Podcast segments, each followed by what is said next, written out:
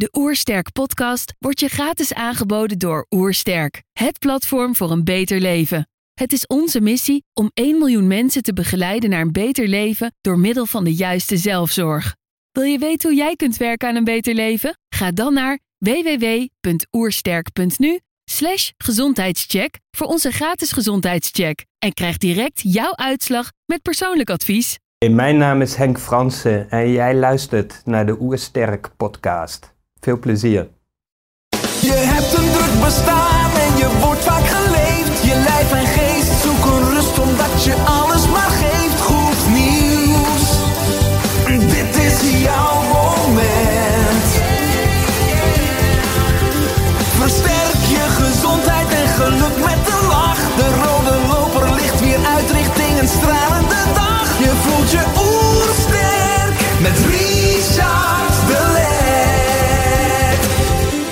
zijn in Heemskerk voor een podcast met Henk Fransen. Hij is arts en expert in de holistische geneeskunde. Ik ben benieuwd naar zijn tips voor een beter leven. Trouwens, geniet je van onze podcast? Abonneer je dan en laat een review of reactie achter. Zo help je ons om het gezondheidsvirus te verspreiden. Let's start! De Oersterk Podcast. Een ontdekkingstocht naar een beter leven. Welkom Henk. Ja. Fijn dat je er bent in een podcast. Een eh, groot inspirator, een pionier. Eh, als ik eh, je website zie en ook eigenlijk een quote die veelvuldig terugkomt in je video's, dan lees ik: Ik zou graag zien dat er sprake is van één geneeskunde. Namelijk de geneeskunde die het beste uit alle geneeswijzen ver- verenigt ten dienste van de patiënt. Hmm. Waarom zou je dat zo graag zien? Ja, dat is een mooie intro, man. Dat is echt meteen ook de essentie waar het mij om gaat. Tijdens mijn studie studeerde ik alle geneeswijzen. Uiteindelijk als arts zweren wij dat we alles zullen doen wat we kunnen binnen ons vermogen ligt om patiënten te helpen. En ik dacht, weet je, in China is de economie ook niet idioot. En in Japan hebben ze ook mooie ideeën over, noem maar op, welk levensgebied. Maar we doen in de reguliere geneeskunde vaak of de geneeskunde in andere culturen, of dat allemaal belachelijk en alternatief is. Hè? Terwijl ik denk, we kunnen zoveel van verschillende culturen, opvattingen leren. En dat niet alleen, ik denk ook in de geschiedenis. Is zo interessant om te kijken hoe deden we dat een paar honderd jaar geleden. Hè? Om gewoon alleen al een ander zicht te krijgen op deze tijd. Mhm.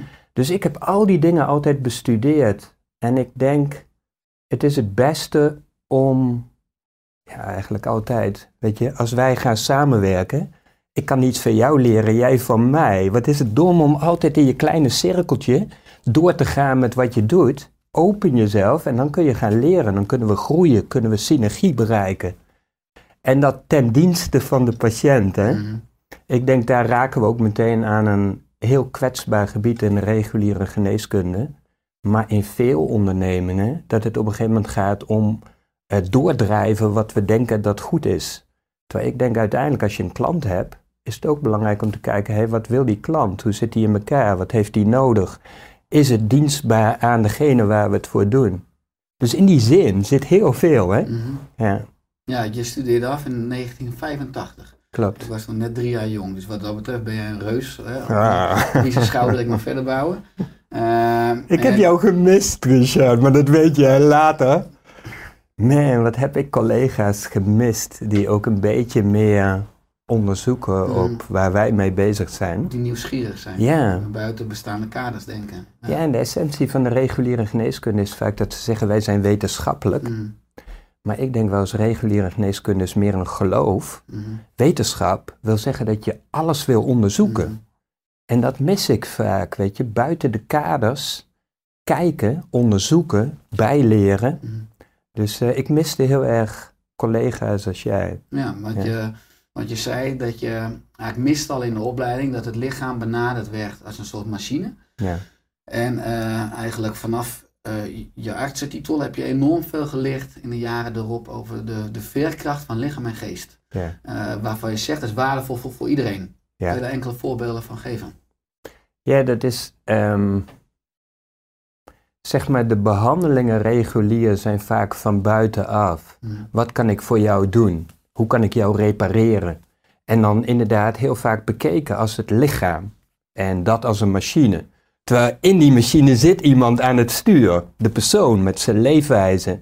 En ook die de behandelingen moet ondergaan. En al die emoties, weten we, werken per seconde uit in de biochemie van dat lijf. Dus het is één ding. Dus uh, superbelangrijk. Maar in het lichaam zit ook een zelfgenezend vermogen. Een lichaam, we denken vaak in ziek en gezond. Maar het lichaam, of het nou ziek of gezond is, is eigenlijk altijd bezig balans te houden. Net als een vliegtuig met een boordcomputer die naar New York vliegt, is hij continu bezig om zijn route bij te sturen en in die uh, focus te blijven. En het lichaam is eigenlijk altijd bezig balans te houden, raakt continu uit balans en van binnenuit is dat iets wat herstelt. En daarmee samen te werken en dat beter te begrijpen en te kijken hoe we de condities kunnen creëren dat die veerkracht van binnenuit mm tot zijn recht komt. Daar leerde ik iets over in de opleiding. Het werd ergens genoemd, mhm. maar ging niet verder. Mhm. En dat boeide mij. Mhm. En wat ik in de loop van de jaren heb ontdekt, iedereen weet dat dat lichaam een zelfgenezend vermogen heeft. Je hebt een wondje en dat begint gewoon weer aan elkaar te groeien. Maar wat de meeste mensen niet weten, dat die geest, die heeft diezelfde veerkracht om balans te houden. Die is ook continu bezig om zichzelf weer goed te krijgen. Dus um, op al die niveaus, lichaam en geest, is een zelfgenezend vermogen werkzaam. En dat kreeg op een gegeven moment mijn passie. Mhm. Meer dan van buitenaf repareren. Ik denk er zijn genoeg situaties waarin we blij mogen zijn dat we van buitenaf zo effectief gerepareerd kunnen worden. Mhm. Dus ik ben de laatste om te zeggen, regulier is niet goed. Maar ik kreeg een passie om dat stuk wat ik miste ook in de schijnwerpers te zetten.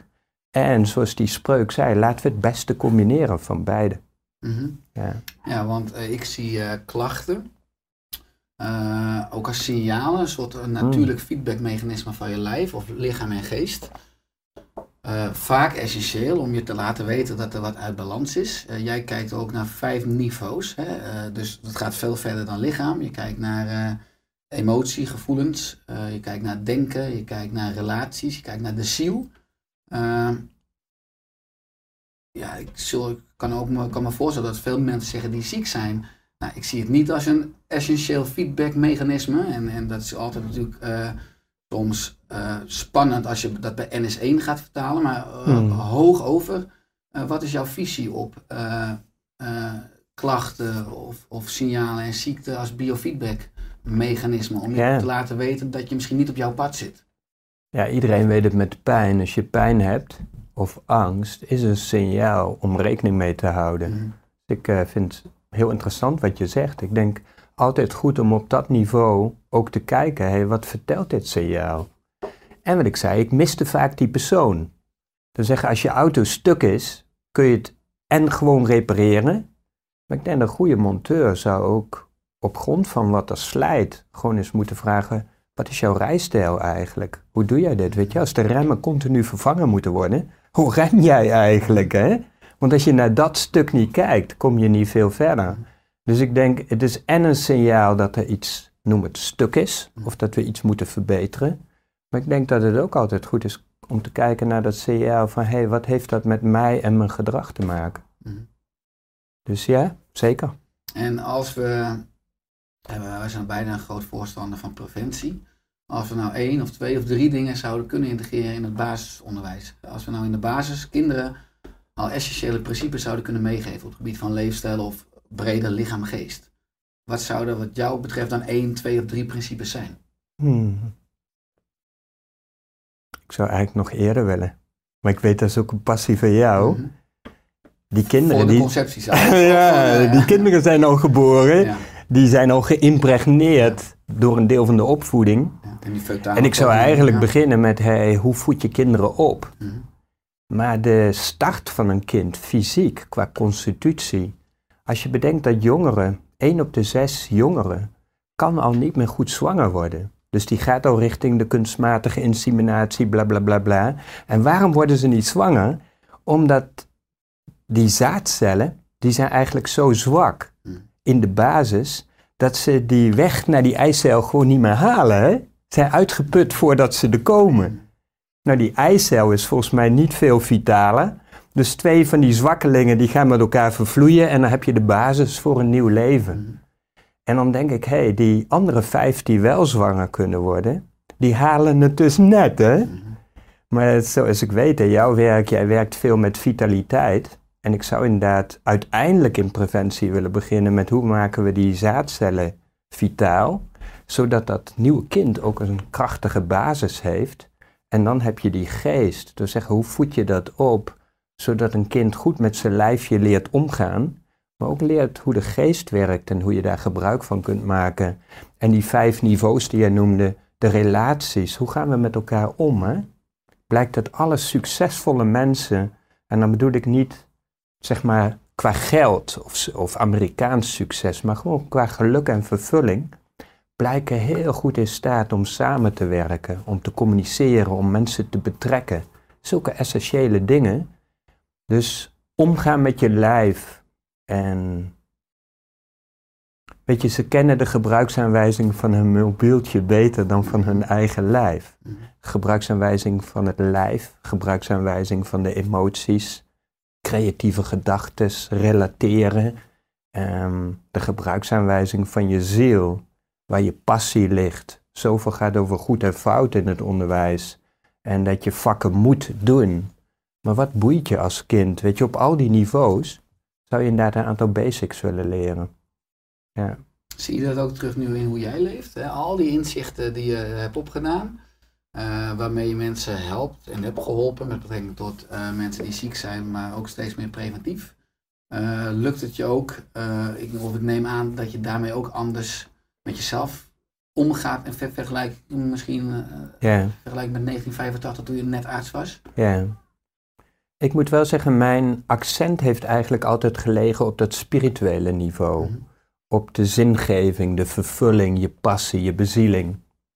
En eh, in de loop van de jaren merkte ik, hey, ik sla vooral de fysieke niveaus over. Dat vond ik niet zo interessant. Mhm. Maar ik merk, ik sloeg het ook eigenlijk in mijn eigen lijf over. Dus ik leefde vooral hier en in mijn hart, Mhm. maar dat lijf vergat ik een beetje. En in de loop van de jaren heb ik wel gemerkt hoe belangrijk dat ook is. Dus ik ben meer gaan samenwerken met experts op dat vlak. En dan was ik eigenlijk op een gegeven moment op die vijf niveaus bezig. Maar vooral om het eh, te, goed te voeden. Dus om het beter te krijgen en om het te ondersteunen.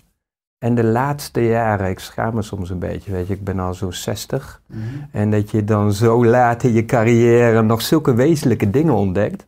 Zoals? Ja, dat is als jij de verkeerde brandstof in je auto stopt Mhm. en je begint je dat te realiseren, dat is niet een goede moment om dan de goede brandstof erin te gaan stoppen. Weet je, iedereen weet als die tank half vol zit met de verkeerde brandstof, die moet er eerst uit. Mhm. Dus inademen of ademen zijn heel veel mensen bezig met een goede inademing. Maar een goede ademhaling begint eigenlijk met een goede uitademhaling. Eerst alle rommel, alle afvalstoffen eruit. En dat is iets wat ik de laatste jaren heb ontdekt en dus ook meer in mijn leven komt. Dat detox, ontgiften, eh, het eerst het ontlasten van het systeem voordat je de gezonde dingen instopt, ook een hele belangrijke schakel is. Dus ik ben een beetje afgedaald meer naar fysiek, Mhm. naar nuchter dagelijkse prakti- praktijk. Hè? Mhm. En om ook wat meer aandacht te hebben voor ontgiften en eerst opruimen en schoonmaken. Ik denk dat ieder mens zit ergens. Hè? Sommigen zullen meer die geest wat ruimte moeten geven. En wat meer de goede voeding en ondersteuning. Mhm. Maar het is wel goed om te beseffen dat dit allemaal hele wezenlijke dingen zijn. En om per persoon te kijken. Hoe zit dat bij jou? Wat is je zwakke plek? Waar kun jij de meeste winst behalen? Ja, waar mensen Ja. hebben de mogelijkheid om met betrekking tot vaste live-programma's bij te volgen. In Nieuw-Eden, in Friesland, ook Ja. één keer per jaar in India. Klopt. Ook door middel van online programma's. Is er nou al ook één simpele basistip die je mensen die nu luisteren of kijken kan zeggen. Nou, ook al zou je hier maar mee starten. eh, als je opstaat, eh, twee glazen lauw water. Ik zeg even wat, maar eh, Voor mij is zeg maar. De basic is dat inherente zelfgenezende vermogen. Mhm. Nou, als mijn huis een puinhoop is en mijn keuken is een ellende, maar ik heb geen energie, dan hou ik het ermee vol. Pas wanneer ik rust heb en ik krijg wat extra energie, dan is het eerste wat ik eigenlijk ga doen, dat wat eigenlijk al die tijd al moest gebeuren, want het geeft gewoon een goed gevoel. Ik ga die keuken opruimen. Niet? En ik zie in het lichaam ook, er is vaak achterstallig onderhoud. Maar mensen zijn aan het volhouden, zitten aan hun tax. Veel mensen zitten aan de tax in deze tijd. Dus het eerste wat er nodig is, is dat we wat energie overhouden. En ehm, op het moment dat we energie overhouden, gaat het lichaam direct aan het detoxen. Met een innerlijke intelligentie. Die gaat ver voorbij dat wij gaan bepalen hoe dat schoongemaakt moet worden. Hè? Nou, hoe doe je dat? Een van de meest simpele aspecten van zelfgenezing is gewoon rust. Voldoende slaap. Ik zag het volgens mij in een van jouw laatste nieuwsbrieven nog. Hoe belangrijk slaap is. Wordt vaak totaal overgeslagen. Hè? Dus slaap en rust, wanneer we dat iets meer nemen en ons systeem gaat wat bijtanken, gaat het ook direct ontgiften. En heel veel mensen denken bij ontgiften aan vasten of noem het zuiver eten. Maar een basic die daaronder ligt, is iets minder eten en beter kauwen. Heel veel mensen eten zonder goed te kauwen. En als je verkeerd koudt, kun je eigenlijk niet goed opnemen wat je eet. Ook al is het nog zo gezond. Op een dure stoelgang. Ja, Mm. precies. En je krijgt zelfvergiftiging. Mm. Ik ken heel veel mensen die zeggen, hé, hey, maar ik eet gezond, eh, dus dat zit wel goed. Maar als je iets te veel eet, dan staan je cellen niet meer open, dus dan kun je het eigenlijk niet meer goed verwerken, gaat gisten en rotten. Er zit één laagje dunne cellen tussen, zeg maar, je, je stoelgang en je bloed. Dus dan wordt dat opgenomen en ben je zelf aan het vergiftigen. Mm. Als je onvoldoende rust, heel veel mensen zeggen, ja, maar ik gebruik- krijg niet zoveel rotzooi binnen. Ehm, maar wat mensen vergeten is dat in elke seconde, elke dag en elke cel ontstaan bij de verbranding gifstoffen en afbraakproducten. En wanneer we op onze tenen lopen en we hebben onvoldoende rust, dan het eerste wat wordt geparkeerd zijn de uitscheidingsprocessen, de herstelwerkzaamheden, het zelfgenezend vermogen. We zijn aan het volhouden. Daar hebben ze al onze energie voor nodig. En dan al die afbraakproducten en gifstoffen die ontstaan, die gaan we ophopen. Dus rust, eh, iets minder eten, niet vasten, ook geen maaltijden overslaan. Daarvoor heb je iets meer draagkracht nodig, dat komt later. En dan zeg maar goed kouwen en dan begint je hele lichaam, als je ook nog wat eh, voldoende drinkt, begint met de innerlijke wijsheid zeg maar te ontgiften. Gaat vaak niet zo snel als dat mensen willen. Hè? Mhm. Hoe vervuilder mensen zijn, Mhm. hoe meer ze getraumatiseerd zijn, merk ik in de praktijk, willen ze in één keer dat alles opgelost is. Mhm. Maar we moeten het lichaam ook stapje voor stapje wat ruimte geven. En dan in een paar maanden gaat het heel hard. Ja. Alles gaat in de basis dus weer om het juiste energiemanagement, wat jij Ja. zegt. Vanuit eh, eh, lichaam en geest. De adviezen die je geeft sluiten ook heel erg aan op, op het lichaam. Vind het soms prikkelend als je bekijkt dat mensen drie tot vijf keer per dag eten. En dan toch gemiddeld zo'n 60.000 gedachten eh, per dag hebben. Als je het hebt over mentale voeding. Ja. Ehm, heb je dan nog een tip hoe je ook mentaal misschien kunt vasten? Of eh, eh, de juiste Ja, feedback kunt geven aan het systeem? Nou, iets wat daaraan raakt en waar ik ook meteen aan moet denken, als jij die, dat, die 60.000 gedachten per dag, hè, dat circuleert, maar dat is van hersenonderzoek in de jaren 70, 80 van de vorige eeuw. Hmm. Dan hebben ze bepaald hersenonderzoek, kunnen ze die impulsen in de hersenen, neurotransmitters, en dat kunnen ze vertalen naar gedachteimpulsen. En dan kom je op zo'n 60.000 gedachten per dag. Als je dat onderzoek op dit moment herhaalt, zitten mensen eerder gemiddeld op 120.000 gedachten per dag. Door de enorme input van de social media. Dus dat is al leuk om te zien hoe in de loop van de tijd onze belastingen totaal kunnen veranderen. En ik denk dat het een deel is van de gevoeligheid van kinderen, al die ADHD, die hyperactieve kinderen, is dat er gewoon te veel prikkels zijn. Twee keer zoveel als toen wij eh, jonger waren. En dat raakt natuurlijk ook aan meteen die ontgifting. Klein beetje minder social media, iets minder indrukken. En dan geef je in ieder geval dat zenuwstelsel en de gedachten, de neurotransmitters die daar ten grondslag liggen, allemaal een beetje rust. Hmm. Maar het is moeilijk voor mensen, want op een gegeven moment zit je in een loopje en draai je door.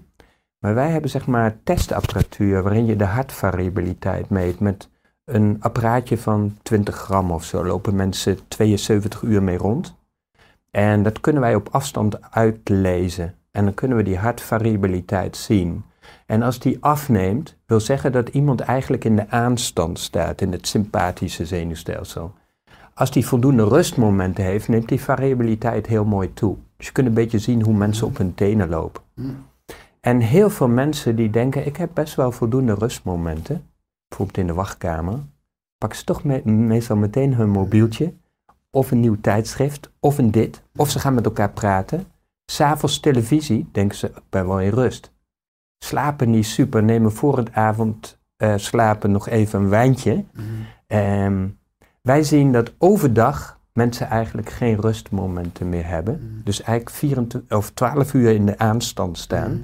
Maar vaak in die mate dat als ze gaan slapen, dat wij als we dat uitlezen zien dat de eerste uren van de slaap ze geen diepte bereiken. En sommige mensen, die komen eigenlijk ook s'nachts niet aan uitrusten toe. Die worden 's ochtends moe wakker. En dan, dan, dan is die geest gewoon eigenlijk totaal naar de uitputting toe. Hè? Dus goed slapen, rustmomenten op een dag. En wanneer je last hebt van stress, dat zijn cirkeltjes die hebben met jou te maken. Dat zijn blinde vlekken, kom je niet uit, heb je coach nodig. Mhm. En dan kun je beter voordat je burn-out raakt. Weet je, ik ben altijd. Iedereen komt altijd naar ons toe als ze ziek zijn of uit balans. Klopt. Maar jij en ik, wij hebben allebei, wij zoeken supervisie op voordat we, Mhm. ja, eh, gewoon met waar we mee bezig zijn om, om beter in balans te komen. Je kunt beter preventief doen dan wanneer je eenmaal uit balans bent. Hè? Dus als je voelt, ik heb last van stress, zoek dan iemand op die je kan helpen. Daar heb je de rest van je leven profijt van. Gelukkig komt Ja. dat steeds meer door hè, in de moderne tijdsgeest. Dat mensen steeds meer preventief gaan denken. Dat is één. Maar ook preventief in actie komen. Hè? Ja. Eh, als je nou kijkt naar jouw, eh, jouw mooie weg. In, eh, je mocht in 2015 een mooie prijs winnen. Inspirator van het jaar. De Paravisie Awards, zag ik. Wat is nou het leukste, ik kan ook zeggen het gekste, dat je hebt meegemaakt in die jaren? En op welk vlak bedoel je? Ja, ik kan me voorstellen dat je ja, bepaalde denkbeelden of bepaalde uitingen je tijd Ja. ver vooruit bent. Dus dat er heel veel mensen je prijzen, eh, maar ook heel veel mensen en artsen het niet meer met je eens zijn. En dat je soms misschien best le- leuk week zeker leuke mailtjes krijgt Ja. of leuke social media berichten krijgt. Een van de dingen die er mij oppopt is. ehm, de laatste jaren heb ik een Chinese leraar uitgenodigd en die Qineng geeft. Nou, je hebt in China heb je zeg maar een soort levensfilosofie, dat is de Qigong. Mhm. En dat is de essentie van hoe zij kijken eigenlijk naar wat jij noemde energiemanagement. Hoe ga je met levensenergie om? Ja. En daaronder zijn allemaal scholen terechtgekomen waarvan we hier de Tai Chi kennen, de Kung Fu, de vechtsporten. Maar er is ook een school die houdt zich met levensenergie bezig voor zelfgenezing. Hm. En dat is de Qineng. Hm. Daarom nodigde ik die man uit. Maar zij doen dat heel erg op de Oosterse manier. Hoe kun je nou toegang krijgen tot die extra energievoorraad die overal om ons is? Hè? Nou, meestal ben ik een persoontje en als ik onder druk kom te staan, dan verkrampt hij een beetje en dat is dan Henk. Mhm. En als er nog iets meer druk is, word ik een persiflage van mezelf. En hoe meer ik onder druk kom te staan, hoe krampachtiger ik het op de Henk-manier probeer op te lossen, die alle problemen veroorzaakt. Hè? Mhm. Dus hoe breek je die schaal open? Mhm. En toen heb ik een hele westerse vorm gevonden in mijn workshops. Ik ben er elke keer weer verbaasd over hoe dat mensen instant met de levensenergie kan verbinden, voorbij dat ego. Hè? En dat is doe het eens anders. Maar je moet het in het begin samen doen. En ik had een keer voor een ehm, groep mensen met kanker, waar ik veel mee heb gewerkt, had ik een soort supportgroep van hoe maak je de mindset eigen van mensen die spontaan genezen. Want die leren ontspannen en zich verbinden voorbij dat krampachtige ikje. Want dat krampachtige ikje, daar zit die zelfgenezing niet in. Die zit in die grotere intelligentie, in dat grotere veld. En daarvoor had ik die oefening ontwikkeld, doe het eens anders. Nou, als je in een groep alleen al dit introduceert, dan brengt het mensen zo snel in contact met dingen buiten de norm, dat ze bijna allemaal terugveren met of ze het wel goed hebben begrepen. Hoe bedoel je dat, Henk? Wat, eh, eh, eh, ik zeg nou, gewoon doe het anders als anders. Neem als een soort mantra mee. En als ze daar dan op beginnen in te tunen, voordat ze het ook maar doen in de groep, komen de grapjes en voel je de energie toenemen. Hè? Ik was met deze groep kankerpatiënten, het was winter, en ik stuurde ze 10 minuten naar buiten om het eens anders te doen. Bij alles wat ze deden. En die man die loopt eh, naar de gang en die wil zijn jas pakken en die zegt, weet je wat, ik ga zonder jas naar buiten. En een andere kankerpatiënt, pas maar op dat je niet ziek wordt. Zegt hij, ja, dat zei mijn moeder ook altijd tegen mij. En ik ben het nog gaan geloven ook. Ik ga zonder jas. Maar als dat gebied zich opent, dan gaat het meteen verder. Dus iemand daarnaast zei, waarom ga je niet naakt? Weet je, ja, op het moment dat je anders gaat denken, is het hek van eh, de dam, hè? Ja. Dus hij ging zonder jas naar buiten. Maar ik keek op een gegeven moment naar buiten. En ik zag mensen achterstevoren door de straat lopen. Maar twee mensen hadden elkaar opgezocht. Ene had de ogen dicht en die andere leidde de andere. En ik kan me nog zo goed herinneren. Dat een van die kankerpatiënten die kwam terug na 10 minuten en die vertelde in de groep dat hij een bordje verboden toegang was tegengekomen. Ja, ik roep niet op tot burgerlijke ongehoorzaamheid, hè? Ik. Maar hij was langs dat bordje gegaan. Mm. Maar de energie, die man die had innerlijk een doorbraak gemaakt. Hij zei, ik hou me altijd aan hoe het hoort. Ik ben altijd bezig met wat is goed en fout. En mag dit wel? Is dit goed? Is dit fout? Wat vinden anderen ervan? En hij was daaraan voorbij gegaan. En de levensenergie die dan vrijkomt, die intelligentie zit in ons, maar de bodem is energie. Als we het altijd op de oude manier doen, als je beter wil worden, zul je iets nieuws moeten proberen. Hè? En dat kun je fine-tunen, maar dit, de snelheid waarmee mensen hier contact krijgen met dat er meer energievoorraad is. Ik weet, ik deed het op een gegeven moment in een workshop, deed ik het, was een interne workshop, deed ik het voor het ontbijt. En ik weet dat jij veel met voeding bezig bent, maar dit is een andere level, hè? Want ehm, ik denk dat je ook gezond moet eten en dat je het iets anders moet doen. Ik zei, Mhm. ontbijt is anders. Ja. En die mensen, je hebt die mensen nemen altijd een boterhammetje met kaas. En dan aan het eind mogen ze nog een boterhammetje met hagelslag. En dan nemen ze kruidenthee, want dat is gezond. Ja. Terwijl ze eigenlijk zin hebben in koffie, maar is niet goed. Ja. En in het begin is het even zoeken voor mensen. Maar ze beginnen al gauw eerst met een boterhammetje met hagelslag. Hè? Maar alleen al wat dat doet, dat je een keer die patronen, altijd hetzelfde. Slokje koffie. Maar binnen de kortst mogelijke keren zitten ze clubsandwiches te maken, zitten ze elkaar te voeren, de meest gekke hapjes en combinaties te bedenken. En het is nog lekker ook. Maar vooral de energie die vrijkomt, hè? voorbij de vaste patronen. Het is een oefening waar ik eigenlijk altijd plezier aan beleef. En ik ken er geen snellere dan uit je patronen stappen. Het is natuurlijk in het heel klein het sterven van de oude zelf en eigenlijk het, het herboren worden van de nieuwe zelf. In ieder geval van nieuwe mogelijkheden. Nieuwe mogelijkheden, ja. Exact. Wat je ook natuurlijk terug ziet in Experimenteren. Ja, Wat kinderen doen. Ja. Kinderen zijn iets minder vast daarin en die leven, die groeien, die regenereren sneller. mhm. Ja. Maar als je ziet bij mensen, wat ik ook altijd fascinerend vind in mijn, in mijn praktijk, ehm, dat natuurlijk hebben we heel veel mensen eh, verbeteringen eh, in leefstijl nodig. Maar ik vraag me altijd, wat is de oorzaak van de oorzaken? Wat is nou de diepste laag? En dat je dan heel vaak emotioneel mentaal uitkomt. En Ja. zeker bij bepaalde kernovertuigingen van ik ben niet goed genoeg, eh, ik word niet gehoord, ik ben niet geliefd. Ja. Ehm, is dat jouw eh, ervaring ook dat die diepere lagen ook, ook altijd spelen? Ja, en het, het zijn precies deze lagen die verandering op het fysieke niveau moeilijk maken. Mhm, Want zeg maar, mijn ego-structuur is een bepaald energielevel. mhm, Op het moment dat ik aan lichaamsbeweging ga doen, breek je het ook open. Ik krijg meer energie. mhm, Maar meer energie is ook ongemakkelijk als ik dat niet gewend ben. Dus mijn oude patronen trekken me ook weer terug. Mhm. En heel veel van onze behoeftes, die zulke sterke krachten zijn, iedereen is eigenlijk toch bezig om zich een beetje veilig te voelen, erkend, mhm. geliefd. Die koppelen we aan het fysieke niveau, aan voeding bijvoorbeeld. Dus voeding, als die ongezond is, mag misschien ongezond zijn, maar we hebben er een bepaalde koppeling in gemaakt dat het ons in onze beleving onafhankelijk in ieder geval een aantal basisbehoeftes geeft. En die kun je iemand niet afpakken. Maar ik denk als je op, het, op, op dat niveau mensen leert hun basisbehoeftes bewust te krijgen, daar verantwoordelijkheid voor te nemen, dan wordt verandering op het gebied van voeding en lichaamsbeweging, dat soort dingen, veel makkelijker. Mm. Omdat je het ontkoppeld hebt. Ja. Ja. En dus die dingen zitten allemaal aan elkaar vast.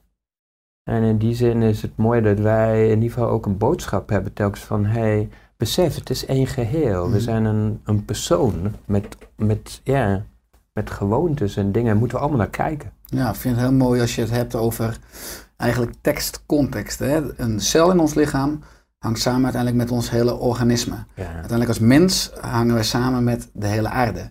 Hè, wij zijn onderdeel van een groter geheel en in ieder onderdeel komt het geheel terug. Eh, ik, ik, ik hoorde je op een video wat me raakte over het feit dat we de aarde ja, gebruiken, zeker misbruiken en misschien wel verkrachten. Hè? En, dat we, en als je ziet dat de resonantie van moeder aarde overeenkomt met de resonantie van ons lichaam, maar wij zijn, zoals jij mooi zei, een stukje aarde. Ja, hoe kwam je tot dat besef van het totale perspectief en die, en die samenhang? Ja. Dat is een goede vraag. Ik denk, het heeft altijd in mij geleefd. Dat, Je zegt zo mooi, dat je in het kleine het grotere weerspiegeld ziet en andersom. Dat heb ik eigenlijk altijd gevoeld. Ik heb die boodschap ook altijd willen uitdragen. En je noemde straks mijn boekje Bondgenoot, de autobiografie van een immuuncel. Dat hele boekje is eigenlijk, de hoofdpersoon is een cel die zijn levensverhaal vertelt en speelt zich in het lichaam af. Maar halverwege het boekje weet je niet meer of het over cellen of mensen gaat. En dan kan ik mensen iets laten proeven van dat dat allemaal natuurlijk samenhangt. Mhm, Maar op een gegeven moment besefte ik, lichaam is een stukje aarde. mhm, Dus dit is materie. Wat jij ook zegt, wat we eten, vormt deze materie. Dat verbindt zich, dat is één ding.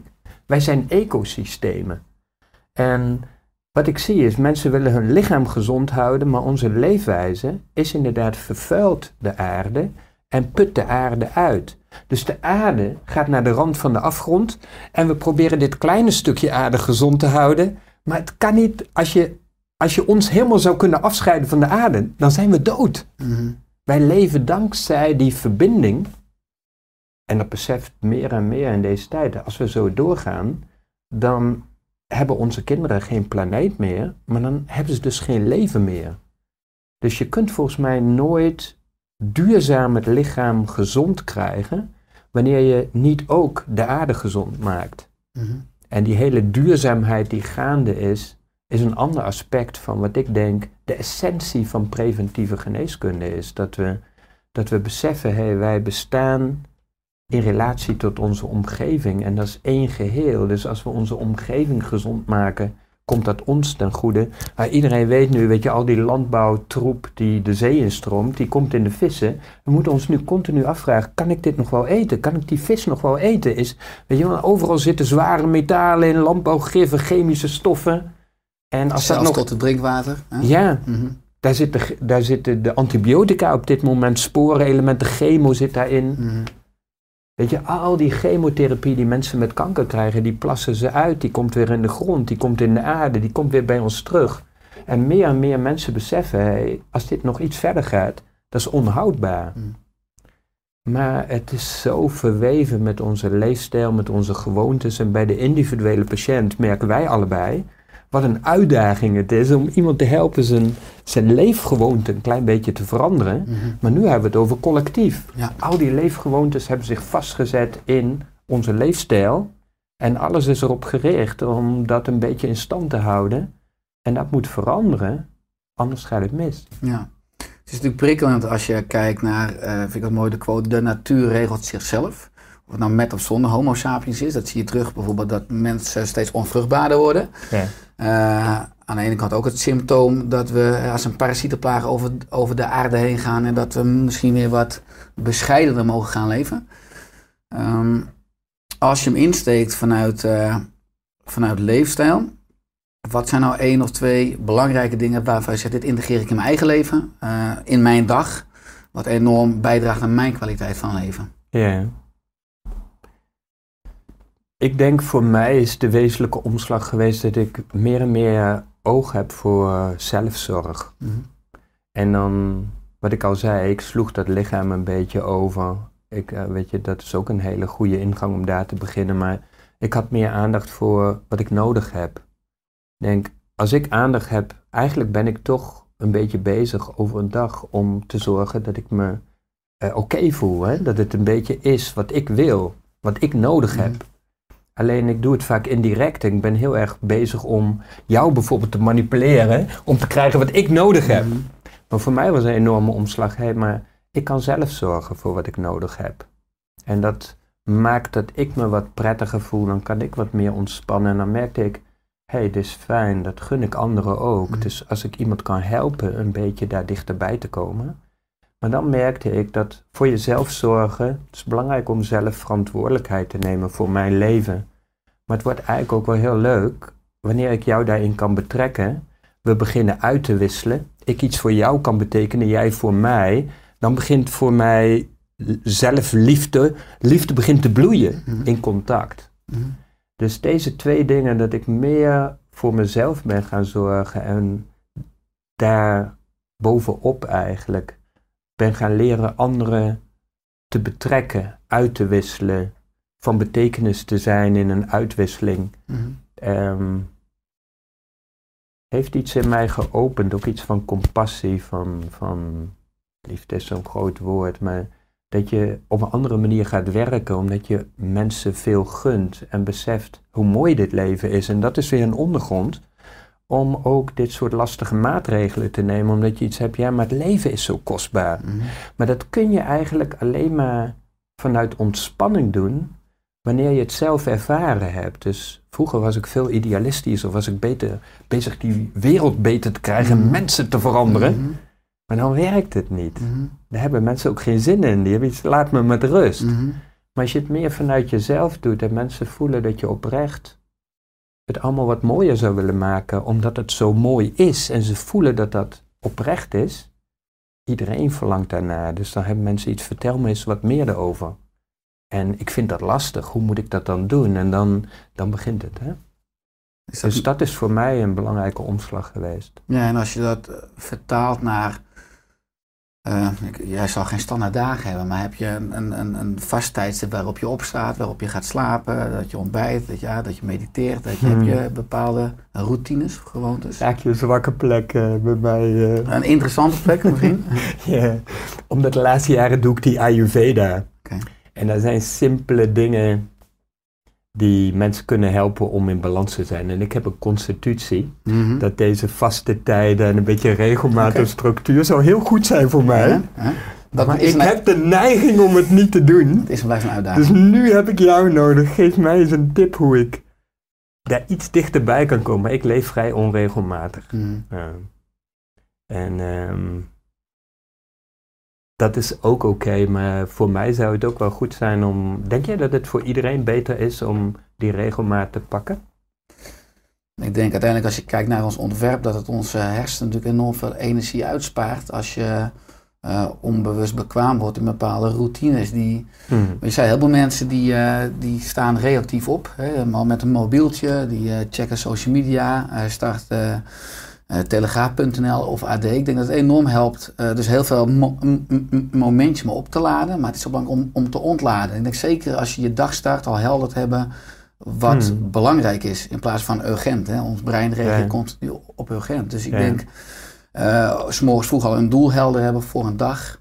Eh, van vijf minuten mediteren, wat mij zelf ook enorm helpt, want ik ben enorm impulsief, ik vind alles leuk en ik heb te vaak gehad dat ik reactief eh, mijn Hmm. dag doorging en eigenlijk s'avonds dacht, wat heb ik eigenlijk gedaan? Hmm. Eh, zeker s'morgens op te starten met, met vrouwen en kinderen, Ja. samen te ontbijten. Of in ieder geval aanwezig te zijn aan de ontbijttafel, ook als ik niets eet of vast. Dat, dat, zeker als je jonge kinderen hebt, dan word je al wat gedwongen tot een bepaalde routine. Zeker omdat Noah natuurlijk naar school toe gaat. Maar uiteindelijk geeft dat heel veel rust. En, eh, en dat kader leidt ook, denk ik, dat ik veel effectiever ben geworden in mijn, in mijn creëren. Ja. Eh, te veel keuzemogelijkheden kan ook een enorme rem zijn. Ja. Op, je, op je efficiëntie, op je energie en op je productiviteit. Ja. Dat stukje doe ik wel goed, maar ik kan daar nog een paar stappen maken. Hm. Ik heb in ieder geval dat het de eerste helft van de dag Mhm. doe ik wat me werkelijk bezielt. ja. Dus daar krijg ik in ieder geval energie van. Maar het houdt wel in dat ik, ik. En ik heb een ritme dat ik vroeg opsta en vroeg naar bed ga. Mhm. Dat heb ik. Maar als ik vroeg opsta, kan ik echt direct aan het werk gaan. Gewoon. S'avonds ligt ik al vaak oh, morgen vroeg ga ik dit en dat doen. Wat is vroeg En dan opstaan? pas vijf uur, half Vijf. vijf, En hoe laat ga je slapen? half tien, tien uur. Ja, ja, ja. En ik denk dat is een van de simpele dingen wat mensen niet weten, maar ehm, onze hormonen in het bloed, dat zijn eigenlijk de boodschappers. Mhm. Die het hele lijf, alle cellen vertellen hoe ze moeten functioneren. Mhm. En die hebben ritmes. Die hormonen hebben bloedspiegels, die hebben een ritme. Ja. En die zijn bijna allemaal gekoppeld aan het dag-nachtritme, aan het lichtritme. Ja. Dus eh, in die ou- oude alternatieve geneeswijze, die traditionele geneeswijze, bijna altijd, hey, sta vroeg op bij zonsopgang, ga met de kippen op stok. Ehm, ik denk dat de meeste mensen niet beseffen hoe belangrijk dat is. Hoeveel gezondheidswinst je kunt maken door die hormonale ritmes weer samen te laten vallen met de natuurlijke ritmes van de natuur, van het licht, de Ja. zonsopgang, et cetera. Ja. Dus ik denk dat dat.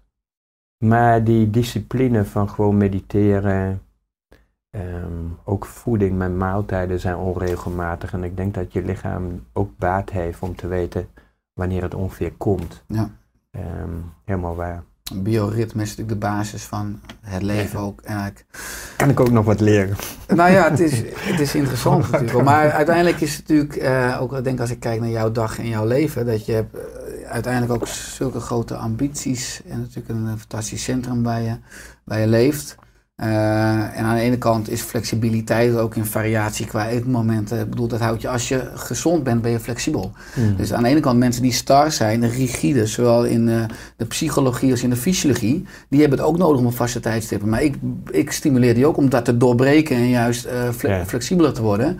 Dus beide kanten, het gaat daarom ook weer om balans. Maar zal jij eh, nog steeds niet heel veel hebben dat, natuurlijk het vakgebied waar je gespecialiseerd in bent, eh, het onderwerp als kanker, dat mensen met kanker jou opzoeken, die misschien mensen die net een diagnose gehad hebben en vaak zie je die mensen toch, nou, laat ik hem zien, in wanhoop van wat moet ik nou doen? En terecht zeg je dat mensen eh, die reguliere behandelingen doen, 70% gaat ook op zoek naar alternatieve of complementaire behandelingen. Ehm, ik krijg zelf ook regelmatig vragen van mensen met kanker van wat kan ik nou het beste doen? Ik zie mezelf dan toch niet als expert op dat gebied. Eh, wat is dan jouw advies? Ik stuur mensen namelijk veel door naar, eh, naar jouw website en naar jou. Ja, daar mag je nu mee ophouden trouwens. Dat zal ik doen dan bij deze. Ja, nee, maakt niet uit. Maar ehm, Maar Eigenlijk voor- merk ik voor het laatste mensen is jaar- het beladen onderwerp, kanker, het woord al, ja. het laatste jaar maak ik een behoorlijke shift van binnen door dat ik ben het onderwerp een beetje moe. Mhm, Dus ik ben aan het verschuiven naar preventief. mhm. Ehm, maar uiteindelijk kun je zeggen, als je het heel simplificeert, heel, heel plat zegt, zou je kunnen zeggen, kanker is een beetje een eindpunt van ziektes, van welvaartsziektes, van uitputting, van noem maar op. En we hebben heel veel welvaartsziektes. Maar de essentie van mijn werk is dat zelfherstellend vermogen. Dus of iemand nou kanker heeft, of reuma, of wa- wat voor ziekte dan ook, dat zelfherstellend vermogen is altijd een belangrijke schakel. Dat is waar ik op focus. Mhm. Alleen ik heb heel veel daarover geleerd van mensen met kanker, omdat ik daar heel lang eigenlijk het grootste gedeelte van mijn tijd mee bezig ben geweest. Maar de laatste jaren zeg ik inderdaad continu, alles wat ik van hun heb geleerd is waardevol voor iedereen. En waarom zou je wachten totdat je ziek bent? En de essentie van het zelfherstellend vermogen is, wat veel mensen niet weten, dat het altijd aan het werk is. De meeste mensen denken, hé, hey, dat zelfgeneesend vermogen gaat aan het werk als ik een wondje heb of als ik ziek ben. Maar ik zei al, dat zelfgenezend vermogen is continu bezig om de balans te optimaliseren en de vitaliteit te ondersteunen. Dus ook als we gezond zijn, en jij weet net als ik, de meeste mensen die denken dat ze gezond zijn, zijn dat nog helemaal niet. Het zelfherstellend vermogen is altijd bezig om mensen naar de optimale situatie te krijgen. En dat is dat dat lijf zich comfortabel voelt, dat de emoties rustig zijn, dat het denken stil wordt, dat het hart zich opent en van daaruit dat we iets hebben, wat is het leven kostbaar en ik wil mijn geschenken uitdelen. Mhm. Dat is uiteindelijk waar het om gaat. En die focus, en dat is boeiend, dat laatste wat ik vertel, is eigenlijk de essentie van mensen die spontaan genezen van de meest afschuwelijke ziektes. Die zijn niet op de ziekte gefocust, zijn ook niet bezig met wat moet ik nou aan deze specifieke ziekte of kanker of wat dan ook doen. Ze zijn gefocust op hoe kan ik vandaag leven? Hoe kan ik de beste versie van mezelf leven? Dat is een van de meest ehm, zelfgenezende factoren om je eigen licht te activeren. Daar zit al die intelligentie in. Dat is de essentie of ons contact met onze ziel, maar onze bezieling is een directe verbinding met Source, met de bron, met de intelligentie van deze schepping. En je ego en gefocust zijn op het oplossen van je problemen is vaak een hele bekrompen, krampachtige situatie waarvan de bodem is, het leven is niet goed. Dat is een hele lage trilling. Daar kan heel weinig in gebeuren. Dus eigenlijk heb ik iets van, welke ziekte je ook hebt of waar je ook zit, hoe kun je leren om je meer te verbinden met je bezieling? En hoe kun je je verbinden met mensen? Hoe kun je het een beetje anders doen, waardoor je contact krijgt met die grotere energievoorraad? En dat ondersteunt jouw zelfherstellend vermogen, waar je ook zit. Dus in die zin, hoor ik het zijn we spirituele wezens met een menselijke ervaring. Ja. Ja. Weet je, het is, weet je, op het moment dat mijn geest het lichaam verlaat, zoals het volk zegt, wordt allemaal in drie uur koud en stijf. Mhm. Dus we, we hebben een lichaam, maar we zijn geen lichaam. De lichaam, dat kan alleen functioneren omdat ik, mijn geest, mijn ziel erin zit. En in essentie blijkt die geest, blijkt licht te zijn. Dan zeggen het lichaam straalt licht uit. En op het moment dat mijn geest het lichaam verlaat, wordt het auraveld wordt donker. Dus er, er is iets weg, het licht is weg. Mhm. Deze intelligentie is weg en alles houdt op te functioneren. Mhm. Dus in essentie zijn we licht. Elke cel straalt ook licht biofotonen uit, kunnen we op dit moment meten. En dat licht heeft een wonderlijke relatie met onze ziel. Zodra we bezield zijn, neemt dat licht toe. Mhm. Dus dat is denk ik de belangrijkste focus om te versterken. En het is ook wie we in essentie zijn. Mhm. We zijn niet fysiek, we Mhm. bezielen fysiek. Ja. Oh ja, ik, eh, het is natuurlijk als je kijkt naar eh, de spirituele geneeskunde, bijna zo noemen. Dat is, spiritu- spiritualiteit is niet een vast onderdeel in de opleiding tot arts. Eh, ik, ik volgde laatst een training en dat vond ik ook mooi om, eh, om te horen. Ik vond het eigenlijk heel logisch. eh, dat als je bij een foetus, dus bij een zwangere vrouw, de golven meet, de hersengolven van het kindje, dan zijn al, alle, als eerste daar de delta-golven. Eh, en als iemand overlijdt... baby? Bij een baby. Wat gaaf. Ja, en als iemand overlijdt op sterfbed, zijn de laatst meetbare golven ook de delta-golven. En de delta-golven zijn natuurlijk een soort spirituele deur naar het veld. wat mooi. Eh, ja, ik leerde het een, een, een maand terug op een training. Ik hoorde het, dacht ik, ja, dat is zo logisch, maar eh, ik moet vaak me ook zo verantwoorden, omdat ik ook natuurlijk lichaam, geest, ziel, die totale componenten, heeft veel meer dan meten is weten, maar weten is veel meer de- dan meten. Ik probeer juist een brug te zijn, net als jij het. Dus, eh, eh, en dat is eigenlijk ook iets wat, wat, wat jouw ambitie is. Hè? Je hebt het vaak over de geneeskunde van de toekomst en een genezer van de toekomst. Nou, als ik dan op jouw website ben, dan lees ik de volgende stap, de geneeskunde van de toekomst. Het wordt mij steeds duidelijker dat er nog een extra stap gemaakt moet worden. De geneeskunde staat zich blind op zieke mensen en vergeet preventie. Pre- preventie staat zich niet zelden blind op het voorkomen van ziekte. Echte gezondheid echter heeft te maken met een gezonde planeet. Een planeet waarop we ecosystemen in balans brengen en waarop we ieder mens aanmoedigen zijn talenten te ontwikkelen en dienstbaar te maken aan het, aan het geheel. Ik ben samen met een aantal professionele organisaties een overkoepelende visie aan het ontwikkelen die recht doet aan alle aspecten van gezondheid. Het lichaam, de emoties, het denken, onze relaties, de samenleving, de aarde en de ziel van mensen. Eigenlijk omvat het een nieuwe manier van denken over hoe we omgaan met onszelf, elkaar en de aarde. Een nieuwe manier van samenleven en deze nieuwe manier pro- proberen we samen te vatten in de naam van ons centrum, Nieuw Eden in Friesland. Waarom is die geneeskunde van de toekomst zo hard nodig? Ja, omdat zoals die hier verwoord is, raakt hij al die aspecten Mhm. van preventieve geneeskunde aan.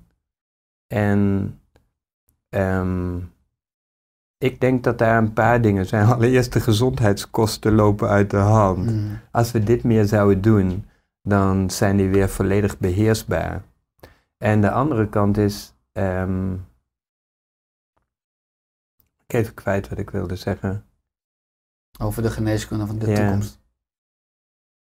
Maar in ieder geval, dit is een essentie van preventie. Ehm, ik ben even kwijt wat ik wilde Nou, zeggen. want dit jaar, 2020, eh, ga je uiteindelijk die boodschap ook meer uitdragen. Hè? Met betrekking tot eh, waar je nu mee samen bent. Eigenlijk al die gebieden van het leven, het complete leven, eh, eigenlijk gewoon het podium te geven dat het verdient. Wat uiteindelijk ook de essentie is natuurlijk van, van echte Ja. genezing. Eigenlijk is het zo dat ehm, ik wil een shift maken. Mhm. Maar ik ben niet helemaal zeker. Ik, ik, ik ben nu 60. Ik wil nog 20 jaar aan iets wat mij echt bezielt gewoon bijdragen. Mhm. Maar ik, ehm, ik heb ook lange tijd in de overlevingsmodus gezeten, zoals de meeste mensen. En een deel van mijn drive was ook een beetje niet helemaal zuiver voor mijn gevoel. Mhm.